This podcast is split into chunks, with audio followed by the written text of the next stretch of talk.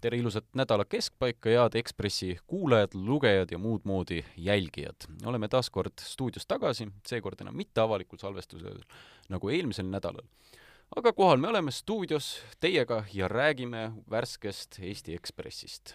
seekord võtame kaks teemat käsitlusele, et räägime lähemalt Venemaast pikemalt, sellepärast et Eesti Ekspressis on küllaltki palju seekord kirjas sellest, mis saab Venemaast, miks saab Venemaal olema nii, nagu saab ja mis on need jõujooned, mis seal ümber liiguvad. Ja räägime valitsusest, sellest, mis pinged seal sees siis kruvivad ja kerivad. aga mina olen Joosep Tiks ja minuga on stuudios Indrek Lepik ja Grete Lehepuu, tervist! tervist! tere! Lähme kohe Venemaa juurde, et, et äh, seis on neil üpriski kehva ja keeruline, et äh, kuidas nüüd öelda, riigis äh, tulistatakse ja käivad mässud siin-seal ja inimesed põgenevad, et teeks niisuguse väikse fantaseerimisringi. Ma ei tea, kui tõenäoline see on, et Venemaa kokku kukub, aga mis võiks saada Venemaast sellel hetkel, kui kogu see riigikord nüüd kokku peaks varisema, et, et noh, suur riik, palju erinevaid jõusid, jõudusid, et seal võib käärimise tulemusena minna päris teravaks see seis ju jah, see oleneb suuresti Venemaa eri paikadest, et äh, praegu on ju laias laastus kaks sellist äh, jõudu, mis, äh, mis on nagu suunatud keskvalitsuse vastu. Üks on siis nendes perifeersemates niinimetatud vabariikides toimuv, kus ikkagi mobilisatsiooni vastu on juba astutud Dagestanis, Jakuutias, eelkõige just neis piirkondades, kust on kõige rohkem mehi sõtta viidud ja kust neid on kõige rohkem surma saanud. Ja siis see teine jõud, mis keskvalitsuse vastu on, on selline noh, mõneti nagu passiivsem, aga see on siis jah, riigist põgenemine, me teame, et Gruusiasse on jõudnud metsikul hulgal juba Vene kodanikke, mingitel hinnangutel on nad varsti juba koos Ukraina põgenikega veerand eh, Gruusia rahvastikust või vähemasti viiendik. no Medusa vist üks päev või oli see Nova ja Gazeta kirjutas, et äh, mis see oli, ligi kolmsada tuhat meest on lahkunud, umbes sama palju, kui Šoigu tahtis üldse mobiliseerida, on juba riigist läinud, on ju. ja nüüd on Venemaa jälle mööda läinud ja ära, ära unusta ka Valgevene põgenikke Gruusias, kes on seal äh, juba mõni aasta olnud, nii et see kompott, mis sinna kokku tuleb, ähm, ma saan aru, ka grusiinide enda jaoks on äh, ärevust tekitav, sest et vähemalt pealinnas on, on väga palju Ukrainat toetavat ja Putinit hukkamõistvat äh, pilt, noh, näha täiesti tänavapildis on need siis tänavamaalingud, on need kohvikus on äh, lipud ja nii edasi, et ähm, aga senimaani mulle tundub, et, et eks need põgenenud venelased hoiavad suhteliselt moka maas, siin-sealt on äh, üksikuid, kuskil Telegrami kanalites liigub äh, inimesi, kes torisevad umbes, et stiilis, miks meid nagu sooja supiga vastu ei võeta, et mis see olgu, me oleme ju ometi põgenikud aga jaa, ma ei, ma ei tea, kaua Gruusia jaksab või et kas nad mis... liiguvad äkki edasi sealt Gruusiast, et kauaks nad jäävad ikka sinna? jaa, aga mis siis on, kuhu sa lähed? jah, kuhu sa lähed ja, ja palju sul seda rahakest ka on, millega minna, et, et need hinnad on absoluutselt laes seal äh,. Gruusias on niikuinii tõusnud nii energia tõttu kui ka inflatsiooni tõttu kolmekordseks juba, ma ei tea, toiduhinnad viimase aastaga. ja hotellides peaaegu võimatu leida majutuskohta, on ju noh, üüriturg täiesti nässus. et ähm, mingil hetkel need pinged seal kuidagi lahvatavad ilmselt. see küll on kuigi... nagu Venemaa jookseks rahvast tühjaks täiesti, et isegi see, et kui midagi peaks seal lagunema, siis seal ei ole enam ei, inimesi põhimõtteliselt. sul on ju ikka sada kolmkümmend miljonit seal veel alles. ja, ja kusjuures tegelikult näiteks kasahhid on venelasi supiga vastu võtnud ja, ja väga paljud riigid tegelikult siis väljaspool Euroopat on isegi näidanud külalislahkust üles äh, venelaste vastu, siin üks äh, Vene opositsioonitegelane Maksim Kats, kes peab Youtube'is päris mõjukat äh, jut-, äh, kanalit siis, oma viimases läkituses just siis nagu pani Euroopale selle nagu häbitunde peale, et need mehed, need naised, need lapsed püüavad, eks ole, vägivaldse aparaadi eest põgeneda ja teie sulgete nende ees piirid, eks ole, me ju tegelikult teame, et venelased on, või Vene riik siis on viinud ka sinna Gruusiaga piirile ju mobilisatsioonipunkti tekitanud sinna, põhimõtteliselt enne piiri siis ja, nagu suur soomukite kolonn eile liikus ka uuesti sinna piiripunkti, jah. ma arvan, et ega Tiina Jõgeda küsib ju oma õnnevalemis päris õigesti meil lehes, et äh, noh, mis see moraalne positsioon nüüd on, et, et kas äh, öelda nendele venelastele, kes mobilisatsiooni eest põgenevad, et jääge oma riiki, mis te siin enne hõiskasite, viskasite näppu Z-tähel ja nüüd siis järsku äh, Äh, põgenete ära, aga teisest, teisalt jällegi kui õige on, on ju takistada inimestel surma eest põgenemist, et, et äh, Tiina küsib seal lõpus seda, et, et okupatsiooni ajal, kui Eestis oli okupatsioon, no paljud olid sellised, kes äh, töötasid okupatsioonivõimudega kaasa ja nii edasi ja nüüd siis kiruvad, on ju, et, et me, ega siinpool on ka puh-, tuhka pähe ra-, raputada äkki põhjust. jah, aga vabandust, Grete, ma segan, lihtsalt mul, mul on nagu, mul kihvatab iga kord, kui ma neid asju kuulen, sest et äh, printsiibis äh, ma olen sellega täiesti nõus, aga ma arvan, et siin segab lihtsalt reaalne elu vahele ja kahes osas, esiteks Euroopa on juba väga palju ukrainlasi vastu võtnud, kui me räägime piiririikidest Eestist Poolani, siis äh, see hulk ukrainlasi, keda on juba vastu võetud, on tegelikult ka reaalne ma ei taha kasutada sõna koorem, aga selles mõttes sellel on reaalne mõju meie nagu sotsiaalsüsteemile ja üleüldisele heaolule linnaelus ja nii edasi. aga teine pool on ka ikkagi see, et äh, me oleme näinud tänaseks aastakümneid neid Saksamaal elavaid putiniste, me oleme näinud selle sõja ajal neid putiniste ja nagu me ei saa neid võrdsustada nende inimestega, kes praegu põgenevad, aga meil on ees pilt sellest, et äh, need inimesed ei tule tingimata siia Euroopasse ja nad on nagu rahul sellega, et me saime varjupaika, sest et äh, paistab, et mida suuremaks see distants emamaaga kujuneb, seda palavamaks läheb jälle armastus selle vastu, et, et noh, see on natukene samamoodi nagu ma ei tea, Erdogani fännid, äh, samamoodi Saksamaal, eks ole, äh, Orbani fännid Ungariga piirnevates riikides, et, et lihtsalt inimeste nagu tunnetus ka sellest, kes on need inimesed, kes tulevad, tuleb nagu niivõrd negatiivse fooni peale olukorras, kus meie prioriteet on olnud aidata ukrainlasi, et inimlikult ma väga hästi saan aru, miks, miks tuntakse, et neid inimesi me ei pea aitama. et äh, Saksamaa oleks nagu Argentiina ja venelased, kes tulevad Venemaalt, äh, võib-olla mhm. siis sakslased Teise maailmasõja viimastel päevadel või? ja siis viiekümne aasta pärast me arutleme, et äkki ikka Putin põgenes ka Saksamaal kuskile ja ja, jah, saksa keelt ta ju oskab, onju. aga ma, ma olen, olen nõus Indreku nagu arutluskäiguga ja mind ikkagi, ja tegelikult oleks nagu huvitav, ma isegi ei tea, millistest printsiipi või kuidas nagu raamistada seda, et, et kuidas käib ühe saja neljakümne miljonilise rahva puhastustuli, et mis on need protsessid, mis nad peavad läbi käima ja, ja kuidas see nagu kuidas me siis eristame nagu seda võimupositsiooni või neid, kes nagu otsustasid nüüd jah, me saadame onju sõdurid Ukrainasse või kuidas eristada neid, kes siis nagu vaikimisi toetavad. aga Euroopa puhul ähm, julgeoleku küsimus on ju päris. et loomulikult ma ei arva, et ähm, kõik need kolmsada tuhat inimest, kes praegu Gruusia poole või, või äh, siia lähiriikidesse Venemaa ümbruses on läinud, et nad on julgeolekuohtu otseselt, aga juba on ju, liigub ringi Wagneri grupeeringu üleskutse Telegrami chattides, et äh, ärge umbes unustage kodumaad, on ju, et nüüd, nüüd on teil võimalus äh, olla selles äh, mädanenud läänes äh, partisanid. ja õnnestada seda sealt, jah. Ja.. vot see ongi küsimus, et mitme puuga tuleks võtta seda moraalset asja nüüd, ühest küljest ma ei taha seda tüüpi, kes äh, paar kuud tagasi Putinit ülistas ja nüüd siis, kui mobilisatsioonikutse kätte anti, jookseb on ju üle piiri ja tuleb siia Eestisse näiteks ja siis hakkab siin sedasama lolli Putini juttu edasi ajama, lihtsalt aga ma ise ei taha sõjas olla, aga kurat, Putin on õige mees, on ju. no minu arust niisugune tüüp tuleb, kas jät-, tuleks jätta kas koju või panna vangi aga samas on ju need tüübid, kes ma ei tea, kuskil seal Peterburis või Moskvas mõllavad, on mingid tudengid, kes tõesti ei ole nõus selle sõja asjaga. kes on siiani püüdnud nagu vait olla, võib-olla ka sellepärast, et lihtsalt ära elada, oma tööl edasi käia, on ju, ja, ja no nagu äh, selles mõttes inimlikult talitavad. kohaneda ja hakkama saada. jah, aga nad ei ole ka kuidagi nagu selle Putini sõbrad või nad ei taha teda ka võimule ja aga, aga neil on nagu selles mõttes, mis nad teevad? Mi-, mis neil teha on, et, et meil on kerge küll öelda, et minge siis tänavale, tõmmake see Putin maha. no ja mõned ongi läinud, no mis sellest saanud on? Sellest, et Putin... see, seda opositsiooni on ju aastakümneid õõnestatud seal, seal, see jälgimisühiskond on nii tugev, et noh, ma ei tea, võib-olla tugevamgi kui Nõukogude ajal oli, et, et kuidas seda võimalik on uppi lükata, täiesti nagu müstiline küsimus minu jaoks. Andrei äh, Hvostov kirjutab ähm, taaskord Venemaast äh, tänases lehes.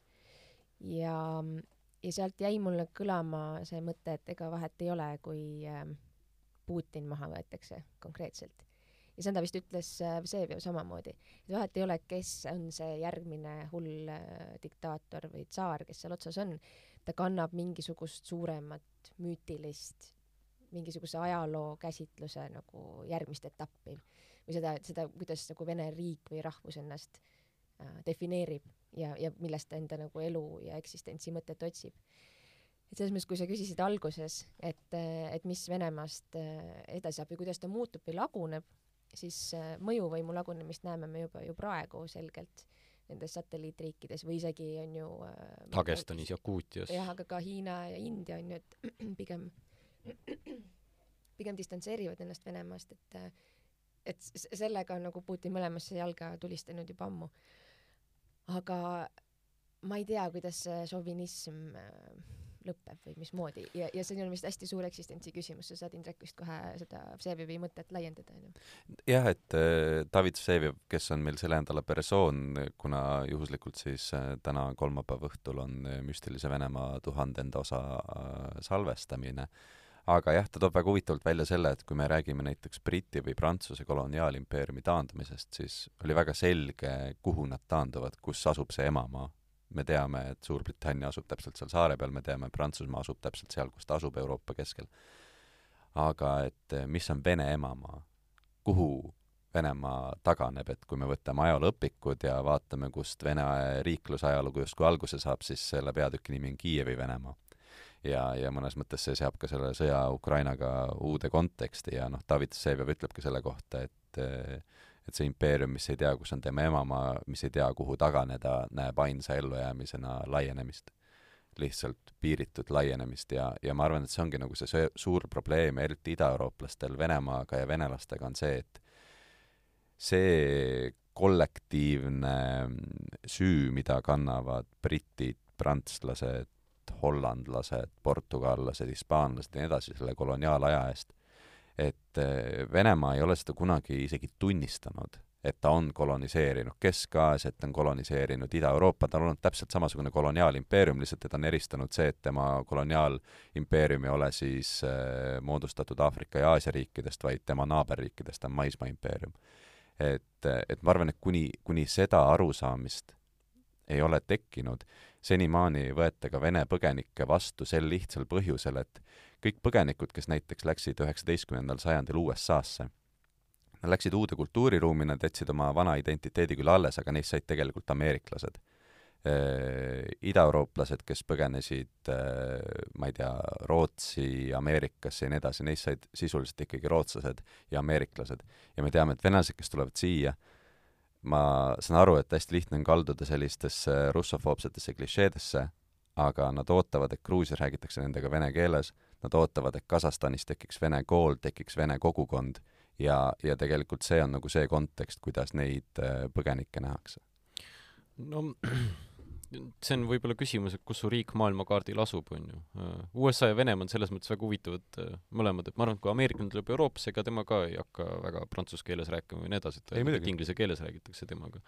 et kui sa maailmakaardile vaatad, äh, venelastel on Venemaa keskel ja Ameerika pooleks tehtud, ameeriklastel on Ameerika keskel ja ülejäänud maailm pooleks tehtud, on ju, et, et väga sellised suured riigid ja ma arvan, et külm sõda panigi nende mõtteviisi selle, et nad peavad seal keskel olema, et see ei ole nagu mingisugune üheksateistkümnenda sajandi mõte, vaid see on pigem tulnud neljakümnendatest, viiekümnendatest pärast suurt võitu Teises maailmasõjas. no ja, ja seda nüüd ju kantakse edasi vanast rasvast ikka veel, et, et mõtteid Stalingradist, Teisest maailmasõjast, suurest Isamaasõjast, et keegi ei alusta Venemaal isegi juttu sellest, et see hakkas aastal kolmkümmend üheksa Poola jagamisega, vaid alustatakse mõtet, et see hakkas nelikümmend üks. aga probleem ongi ju ka seal, et, et see ajaloo käsitlemine või nende ajaloofaktide kasutamine käib mugavalt ju vastavalt ei no muidugi, samamoodi seesama Teine maailmasõda on ju, et probleem, meid rünnati esialgu. ja, probleem jääb ka selles, et kui sa ütled, et imperialistlik või ütleme, et impeeriumi mõttes nad ei ole kunagi nagu tunnistanud, et nad on vallutanud, on ju, mingisuguseid maid. Nõukogude Liidus samamoodi kui sobib, siis öeldakse, et aga Venemaa ei ole ju Nõukogude Liidu õigusjärglane ja kui ei sobi, eh, siis öeldakse, ei, ikka te ju vabatahtlikult astusite kõik siia. see on ju jutt kõikide alistatud rahvastega, et eh, te ju ise tulite siia tõepoolest ja siis me oleme ja, nüüd sõbralikud koos. kutsunud enne referendumit. kui jah, et kui sa vaatad kasvõi seda noh, nõukogude aja mingisugust propagandaplakatit, kus kõik hoiavad sõbralikult käest kinni, vahet pole, mis värvi või mis nägu nad on, on ju, et noh, läänes arvatakse, et Nõukogude Liit oli väga selline woke kus... jube, jube siuke nagu äge koht, kus tegelikult Nõukogude Liidus, kui sa vaatad, noh, sul, sul ei ole alguses, mitte alguses, mulle tundub ka, et see on nagu eh, tekkis, suur ajalooekspert aga mul lihtsalt tuli see jutuga praegu meelde, et ähm, üks Ameerika ajakirjanik jagas Twitteris hiljuti neljateistkümnenda juuni nelja paranda mind nüüd, mis aastal, kui ähm, Eesti astus Nõukogude Liitu onju. nelikümmend, aga jah ja., see astus sügavalt jutumärkides, ja need seda ju äh, kajastasidki tegelikult meie mõttes nagu õigesti, et äh, nad kirjeldasid täp-, noh, see oli peaaegu nagu sa oleks võinud selle üle kanda praegu Zaporižesse või, või Luhanskisse või, või Hersoni. et tegelikult ju maailm nägi ja kirjeldas seda, et see kõik on jura, need on nagu, sul ei ole võimalik valida tegelikult seal midagi, onju, et see, noh, see ei ole referendum, see on lihtsalt nagu mingi paberi määrimine, onju. et noh, ma ei usu, et seda sellisel viisil nagu asja ülistati, et ilmselt see ajaline distants, mis seal mõnikümmend aastat hiljem tekkis, see ja siis, ja kõik müüdid, mis siis raudse eesriide ühel teisel pool elasid, need võib-olla tekitasid. no siin on kaks jah, selles ajas kindlasti kõik nägid, et see on jura täielik, mida tehakse, aga nüüd tagantjärele vaadatakse neid propagandaplakateid ja usutakse propagandat nii, nagu see Nõukogude Liidust tuli. loetakse selle põhiseadust ja öeldakse, oh, nii demokraatlik on ju, mis sest, et see silmaringi puudumine no, noh, ka kogemuse puudumine, mis see Nõukogude Liit oli ja nüüd see kajab tagasi kõik. selles mõttes, et kui äh, arvatakse, et Nõukogude Liit oli nagu woke, mitte üldse rassistlik, siis rohkem neegrinalju või juudi nalju kui Nõukogude Liidust, ma ei tea, kust üldse oleks tulnud, on ju. Äh, isegi mitte sealt, ma arvan, noh, et, et ja, ja seesama sõbralikkuse on ju efekt, et räägitakse ka mingi Vene propaganda televisioonis, et oh, ukrainlased, miks me küll sõbrad ei ole, me tahame olla vennasrahvas ja nii edasi ja tulge nüüd sõbralikult, hääletage ennast, on ju, meid Venemaa koosseisu ja siis samal ajal, mis seal territooriumil toimub, vanglad, tapmised, täielik venestamine on ju, kogu kultuuri väljapühkimine. Öeldakse ukrainlastele, et te olete natsid ja lastakse kuul pähe. et see on see sõp-, sõbralik käsi, mis selle taustal tegelikult toimub, on ju. ja, ja nüüd sa võtad Venemaa, suumid sisse sinna, mis seal toimub. no, ütleme, ka need satelliitriigid Kesk-Aasias. Nende kõikide väikeste rahvastega on ju samamoodi tehtud. olgu see Dagestan, olgu see Tšetšeenia, olgu see Kasahstan, olgu see noh, ma ei tea, kuskil taga Jakuutias, need samad rahvad, tegelikult see on mälus sees ja nüüd küsimus, kus see Venemaa lagunema hakkab, see ei ole noh, kas või see emamaa mõte, noh, Vene emamaa on Moskva, vahet pole, mis nad ütlevad, Kiiev või mida iganes, umbes nii nagu Saksamaa emamaa on, ju Berliin, isegi teisel maailmasõjal oli, kus ta laienes. kuigi see on täielik kunstlik linn, on ju. ja Venemaa hakkabki lagunema sealt, kus need satelliidid hakkavad hõõruma. kus need satelliidid, tuleb meelde, et kuule, et nagu see enam-vähem suvaline kokkulepe, kus rahvas ei pane tähele ja ma ei tea, Kadõrov suhtleb Putiniga ise ja me asjasse ei puutu, et see enam ei päde. sellepärast, et mis me sealt Moskvast saame, ainus asi on see, et meid mobiliseeritakse sõtta. meil ei ole kodus isegi sooja toitu ega gaasi. ja meid on täiesti kõrvale jäetud. ja vot see hetk maailm saab Venemaast rahu kui Venemaal hakkab see hõõrumine pihta sisemiselt. nii nagu valged ja punased omavahel sõdisid ja tegelikult toimus ju suur vabanemine Ida-Euroopas, Poola sai vabaks, on ju, Eesti sai vabaks, tänu sellele, et Venemaa oli iseendaga hädas. aga nüüd kõige suurem jama on see, et kui see häda läbi saab ükskord sealt, kes sealt võimule tuleb mm? -hmm. see, kes, kas need Dagestanid ja Tšetšeeniad iseseisvuvad, on üks variant, mis oleks kõige sobivam võib-olla meile, sest Venemaa saab nõrgemaks ja väiksemaks ja ei piina meid enam nii palju aga kui seal Venemaal tekib keegi, kes saab jagu nendest Dagestanidest ja Jakuutiatest, siis meil on jälle üks tegelane idapiiril, kes on piisavalt võimas, et alustada järgmist invasiooni kuhugi. nojah, aga võib-olla olekski kuidagi väga suureline arvata, et kui kõik need eelnevad sajandid on need suhted Venemaaga olnud täpselt sellised, nagu nad on, et siis nüüd just meie ajal see kõik fundamentaalselt muutub. see võib võtta aastakümneid siin jah, et, et kindel on see, et Venemaa muutub nõrgemaks, kindel on see, et juba Kesk-Aasias on tema haare väga selgelt nõrgenenud ja seda peegeldavad äh, Kasahstani ja teiste piirkonna riikide käigud, seda peegeldab ka see, et Türgi, Iraan ja Hiina toimetavad seal palju julgemalt. et Põhja-Korea ja Iraan tegelikult ei julge avasõnu toetada Venemaad või, või et see ka Iraani droonide äh, müük toimus kuidagi niisuguse mingi veidra nagu valehäbiga jah, et, et, et selles mõttes äh, aga teisi sõpru neil pole ka. et ma arvan, et üks hetk nad võivad ka sellest valehäbist üle saada ja sõbraks saada, onju. Natsi-Saksamaa ja Venemaa ka petsid oma sõprustega, kui Poolat oli vaja jagada, siis tegid ära. et noh, mis minu jaoks selle Vene perspektiiviga kõige murettekitavam ongi, on see, et ma ei näe, kuidas sealt demokraatiat üldse võimule tuleb. seal ei ole, noh, mis, mis kriitilist massi see rahva seas vajab, kes on valmis toetama mingit demokraatiat? mul on tunne, et need inimesed, kes Venemaal pigem on, on võib-olla, ma ei taha nüüd halvasti öelda nendele, aga äh, kitsarinnalised, kinnisilmsed, vähese haridusega ja vähese maailmapildiga. jah, aga sa pead ähm,, kuidas siis ütleme, alustagi, alustagi nina esisest. et ähm,, et sa pead äh, nendele inimestele mm, ja, ja ma nüüd jälle ei, ei, ei mäleta viidata õigesti, kes seda, kes selle teooria välja käis aga, aga kuuskümmend protsenti igasugustest rahvastest tegelikult ähm, on see nagu muditav mass, kes äh, käitub nii, nagu teised ees käituvad ja vaatab, et kuidas, okei okay,, ma vaatan, kuidas teised teevad, teen samamoodi, küllap see on õige käik, onju. tegelikult enamust on võimalik ju mõjutada ja kui sa alustadki sellest, et ähm, teate, demokraatia tegelikult käib nii, et äh, me teeme teile teed korda, me viime teid, toome teile gaasitrassid koju enne, kui äh, tähtsad ninad saavad endale uued mersud osta. et kui see, noh siin on metsikult vaja investeerida, et see rahvas saaks usalduse sellesse see süsteemi, et demokraatia aga, aga, aga noh tegelikult ju sellesse lootis, on ju, et, et see majandus ja, ja sidumine Euroopa majandusega ja näiteks nojah, aga see jooksis kõik, on ju Putini taskusse. nojah, ja see oli ka selles mõttes ju eeldatav, et kui me ei eelda ju, et Saudi Araabia demokratiseerub sellest, et me talt naftat ostame. et, et noh, ma ütlen, et hästi lihtne on kukkuda mingisse klišeedesse ja arvata, et venelased on kuidagi vähem võimelised demokraatiaks kui meie ja ma arvan, et ainuüksi viimastest aastatest Ukraina ja Valgevene näited ongi ju tegelikult vastupidised, et eh, riigid, kus on olnud väga pikka aega ikkagi selline autoritaarne võim, Ukraina ei sobitu nii hästi, aga Valgevene kindlasti, et Valgevenes me ju tegelikult näeme siiamaani, et see vastupanu liikumine ikkagi eksisteerib, et see potentsiaal on kindlasti olemas, aga jah, küsimus ongi selles, et kas kas tekib nagu selline kollektiivne taju sellest, et eesmärk on omal maal ise hästi elada, mitte lihtsalt nagu elada sellest müüdist, et või kellegi armust. jah, jah -hmm. et, et, et noh, et ma võin ise halvasti elada, aga meil on vähemasti rahvuslik uhkus, et et noh, lõppkokkuvõttes eriti eestlastena ongi seda teemat väga raske nagu analüüsida, sest et siin on väga palju sellist emotsionaalset elementi, ma ei tea, perekonna ajalugu ja kõike muud, mis seda väga tugevalt mõjutab ja ma arvan, et on hetkel moraalselt õige öelda, et et äh, ukrainlaste abistamise eelistamine on õigustatud ja eetiline käik. aga, aga lõppkokkuvõttes teine pool on jällegi see, et äh, selle Venemaaga me peame ikkagi, ütleme nii, et aegade lõpuni siin koos elama ja, ja mingil määral meil peab olema mingi selline positiivne programm selleks, et mis, mis oleks see hea ja parem, mis seal võiks kunagi tekkida. väga ootan neid uuringuid, mis tulevad, mis ähm, selgitavad seda eksistentsiaalset kriisi, mis on venelaste hingedes praegu me ei, me ei kujuta seda ise ette, aga ma ütleks, et lõpp, sa tahad ilmselt ploki kokku tõmmata, onju, et äh, see, mismoodi Dagestanis on tulnud paabuskad tänavale, ütleme need emad, vanaemad, kelle pojad on ära viidud ja kes äh, vaidlevad politseiga ja politsei ei julgegi neid ära viia, sest et äh, rahvamass seisab kõrval, ütleb, mis te viite vanaema vangi nüüd või? nalja teete või, see on ju, kuidas, et noh, et selline, see annab lootust ja, ja see, mida need inimesed seal räägivad, kes protestivad, ütlesid, et kuule, et Venemaa tungis Ukrainale kallale. politseinik küsib, kust te seda teate, kust te seda võtate? ütles, et ega ma loll ei ole, me ju näeme neid uudiseid, me ju teame seda kõike. et ühel hetkel jõustruktuuridel ähm, on ka lõpuks suu vett täis, aga enne seda kardan, võib igasugu koledaid asju juhtuda.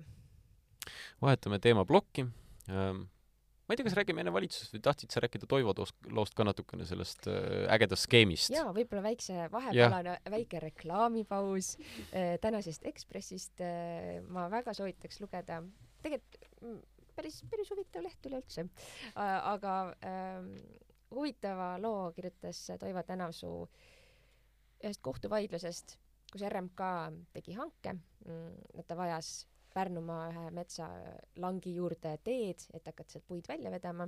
hanke võitis üks äh, firma ja siis mingil hetkel see tüüp tegutses nagu ikka ja, ja järsku ütles, et okei okay,, nüüd, nüüd on äh, nii, et rohkem edasi teha ei saa. tal oli igasuguseid veidraid põhjendusi, täpselt nagu aru keegi ei saanud, milles probleem on. raha oli ta saanud juba üks koma kaks miljonit enda kontole ja ja siis ta ütles, et rohkem ta ei tegutse. ime, et maksti niimoodi kor-, kogu projekt korraga välja. ei, jaokaupa ikka, selles mõttes, et mm., et mingi aja, aja tagant nagu jaokaupa.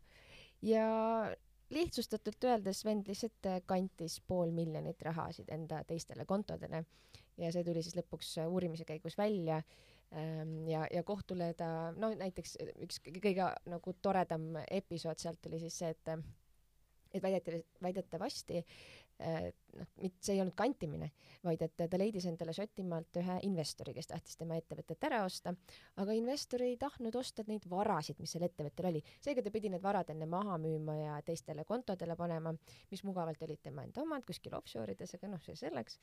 ja, ja siis, kui prokurör ütles, et kuule, et nagu millest sa räägid, et selle ettevõtte nagu, sina oled seal taga ju, selle Šoti ettevõtte taga, et kodulehed, domeen on sinu ostetud.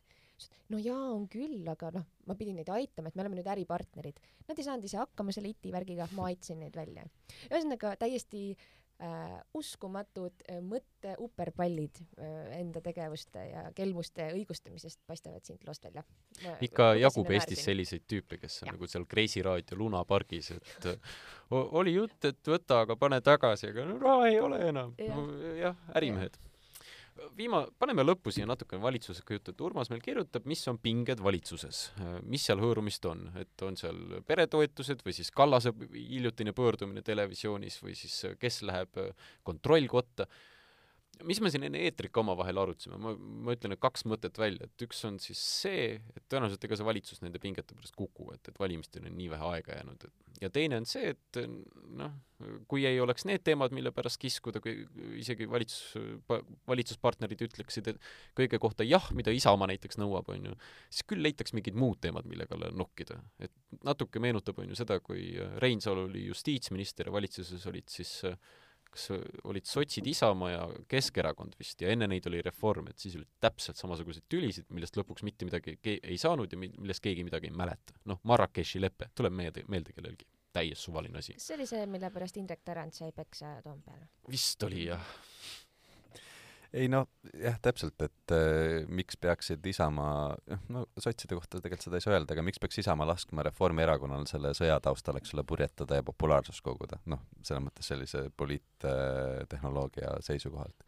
ja, ja seetõttu on mõistlik neid asju konstrueerida, tõsi, nad ajavad ju ka taga enda programmilisi äh, lubadusi, seesama lastetoetuse teema, mida minister Signe Riisalo ikkagi võiks öelda, blokeeris et et, et, et seda nad ju kindlasti ajavad edasi ja eks see Rosimannus ja Autorollo on ju peaaegu sama hea meem kui äh, Siim Kallas ja kümme miljonit, et, et selles mõttes nagu seda rauda tasub niikuinii taguda, sest et äh, see resonants ühiskonnas on nagu noh, nii, nii lihtne saabuma, et, et paljud üldse teavad, mis see Autorollo värk täpselt oli, aga nad teavad, et on äh, Bentus ja Autorollo ja ja asi on põhimõtteliselt jama ja seda teemat tasub alati üleval hoida, et see on, see on nagu Kristen Michal ja kilekotid. see on ikka päris riskantne käik tegelikult minu arust Reformi poolt, et nad panid Keit Pentuse sinna, kas neil oligi äkki vaja Pentusele anda mingisugune exit poliitikast ja, ja noh, nagunii poliitikast tal kogu aeg see autorolla asi jääb, et tehku siis seda oma Euroopa tööd ja ongi adjöö, et rohkem poliitikasse enam no, ei tule. korra ta juba on tagasi tulnud selle autorolla pealt. ma ütlesin ka, et, et sisepoliitiliselt enam ei mäletatud seda ju väga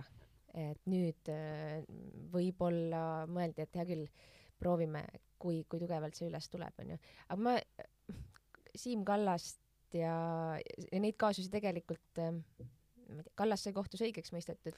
Pentus keerutas ennast välja ju. nojah no, selles küll, mõttes, et jah. Äh, juriidiliselt ta jäi õigeks, aga noh, mhm. koht, kohtuotsus on, eks ole, kõigile tutvumiseks, et aga noh, lihtsalt ma mõtlen sellise nagu puhta nagu meemina, et et, et see kümme miljonit või Autorollo, et noh, see on nagu ma arvan, kohe väga... esimese asjana tuleb meelde. jaa, et ma arvan, et sellega sa võid isegi kõnetada mingeid viieteistaastaseid, sest et neil on nagu mingi Redditist või kuskilt sotsiaalmeediast mingi meem seostub sellega.